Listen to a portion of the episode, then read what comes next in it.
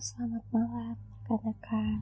Nama saya Amoy. Saya tinggal di sebuah kabupaten Malang.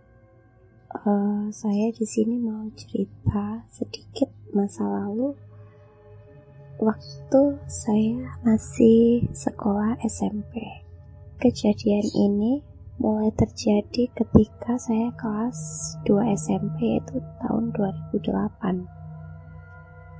Di belakang gedung SMP ini itu terdapat lapangan cukup luas lapangannya untuk kegiatan kita. Tetapi di pinggiran lapangan ini itu masih ada kalau orang Jawa sih bilangnya barungan atau semacam kebun bambu begitu. Oke, kalian sudah bisa menebakkan bagaimana situasinya? Ketika saya sudah menjadi kakak kelas, saya punya adik kelas kan. Adik kelasku ini sebut saja adik gitu ya. Kan kalau kelas 1 itu di kelas atas, kelas 2 di kelas samping, atas juga, jadi tingkat lah sekolahannya dan sampingnya perpustakaan. Nah singkat cerita, aku punya adik kelas ini. Pertama dia itu sering pingsan. Sering pingsan, masuk UKS, otomatis kami yang mengikuti PNR ikut membantu lah ya. Karena ini juga ikut pramuka, kegiatan pramuka lah. Kita sering membantu dia kalau dia pingsan. Akhirnya kita bawa ke UKS, terus dia sadar, oke okay, kenapa kamu gitu.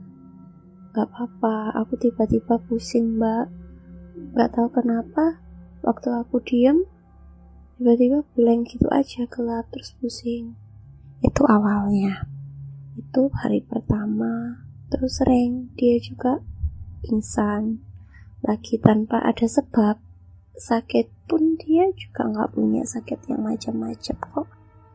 Nah si anak ini selanjutnya kok sering pingsan terus lagi dia itu akhirnya sering lamun sering lamun sering lamun habis itu dia itu sering melihat di pohon yang menuju ke lapangan. Di situ ada pohon semacam pohon randu atau pohon kapas lah. Dan tiba-tiba dia setelah lihat situ itu dia pasti pingsan. Tiba-tiba anak ini gak kayak biasanya yang biasanya cuma pingsan saja habis itu kayak memberontak. Terus dia itu nunjukin aku kate materi arek iki atau bahasa Indonesia mau membunuh anak ini. Kita kagetlah semua guru ini sama anak-anak yang membantu termasuk saya. Loh kamu itu siapa? Aku yang ada di pohon belakang. Ternyata dia kerasukan. Dia mesti lihat-lihat di tempat tinggal saya. Kayak nantang gitu makhluk ini nggak mau keluar. Akhirnya anak ini berontak sampai kita pegangin itu empat orang lima orang. Gak kuat. Dia akhirnya lari-lari ke lapangan, muter di lapangan. Dia lari sengaja-ngajanya. Uh, itu yang paling serem sih. Hanya kita kejar, kita kejar. Tiba-tiba nggak tahu sama guru saya didoain. Akhirnya anak ini pingsan di lapangan dibawa lagi lah ke UKS dibawa lagi ke UKS anak ini berontak lagi. Sama guru saya dibacain doa-doa dibacain doa-doa akhirnya keluar. Oke sudah hari itu berlalu. Hari berikutnya lagi anak ini kesurupan lagi. Entah dia dari mana. Nah itu posisinya habis olahraga memang. Habis itu dia pingsan lagi waktu di kelas tiba-tiba tertid kayak tertidur gitu. Habis itu tapi temen yang di sampingnya ini dengar kalau dia itu sama kayak ngorok gitu. Akhirnya di dibangunkan. Anak ini nggak berkutik. Tambah mengorok. Dia langsung sama tangannya genggam mencegah meja kayak krek krek krek krek gitu. Dengan kukunya kayak menggeram gitu akhirnya takut kan temennya ini. Akhirnya manggil guru guru agama saya. Ke atas lah dia. Ataslah guru saya. Ke atas akhirnya anak ini dibawa turun lagi karena takut terjadi apa-apa kalau tetap di atas. Waktu itu semakin menjadi-jadi dipegang dipegang dibacain doa-doa. Kita yang menunggu di situ disuruh baca doa-doa sebisa kita. Marah tetap memberontak yang makhluk ini. Ditanya maumu itu apa? Keluar oh keluar oh keluar kamu keluar. Ini bukan hakmu. Dia punya aktivitas sendiri. Jangan ganggu anak ini. Anak ini kiranya itu kosong.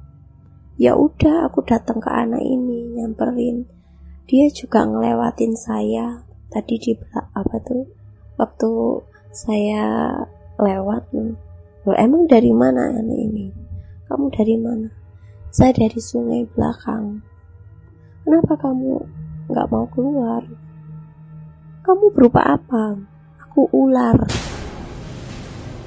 Akhirnya sama guru agamaku dibacain doa-doa sambil entahlah guru agamaku itu kayak semacam ngancam lah ke makhluk ini sambil dibisikin. Kalau kamu nggak mau keluar dipanggil. Namanya kiai siapa gitu saya lupa sekali. Jadi kiai itu terkenal lah. Akhirnya si makhluk tadi itu yang ada di dalam tubuh anak ini si adik ini ketakutan. Oke tak bantu katanya guru saya dibacain doa-doa sebisa mungkin akhirnya ular ini keluar keluar hilanglah sudah keluar dari tubuh anak ini beberapa bulan kemudian terjadi lagi. Si anak ini kambuh lagi. Kok ada lagi yang nyamper? Ada apa tuh anak-anak itu teriak-teriak lagi. Teriak-teriak ada yang teriak-teriak. Bu, bu, bu, ini ada yang apa tuh namanya? Ada yang kesurupan lagi.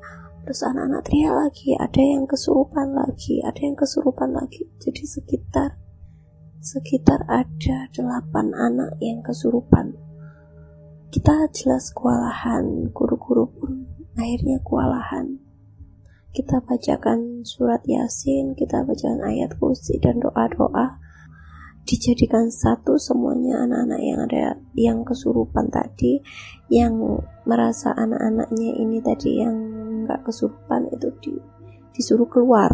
Kecuali anak-anak yang bisa apa itu bisa fokus nggak gampang melamun itu nggak apa-apa membantu guru-guru yang ada di situ. Akhirnya tetap si guru saya ini doa berdoa doa habis itu beberapa anak ini sudah sadar yang sadar dibiarin biar istirahat dulu dan akhirnya mereka sadar. Dan alhamdulillah sejak saat itu sampai sekarang sudah sudah jarang ada kejadian itu. Sampai saya udah lulus sekolah pun itu akhirnya sudah jarang. Nah, sekian cerita saya ketika pengalaman saya semasa SMP.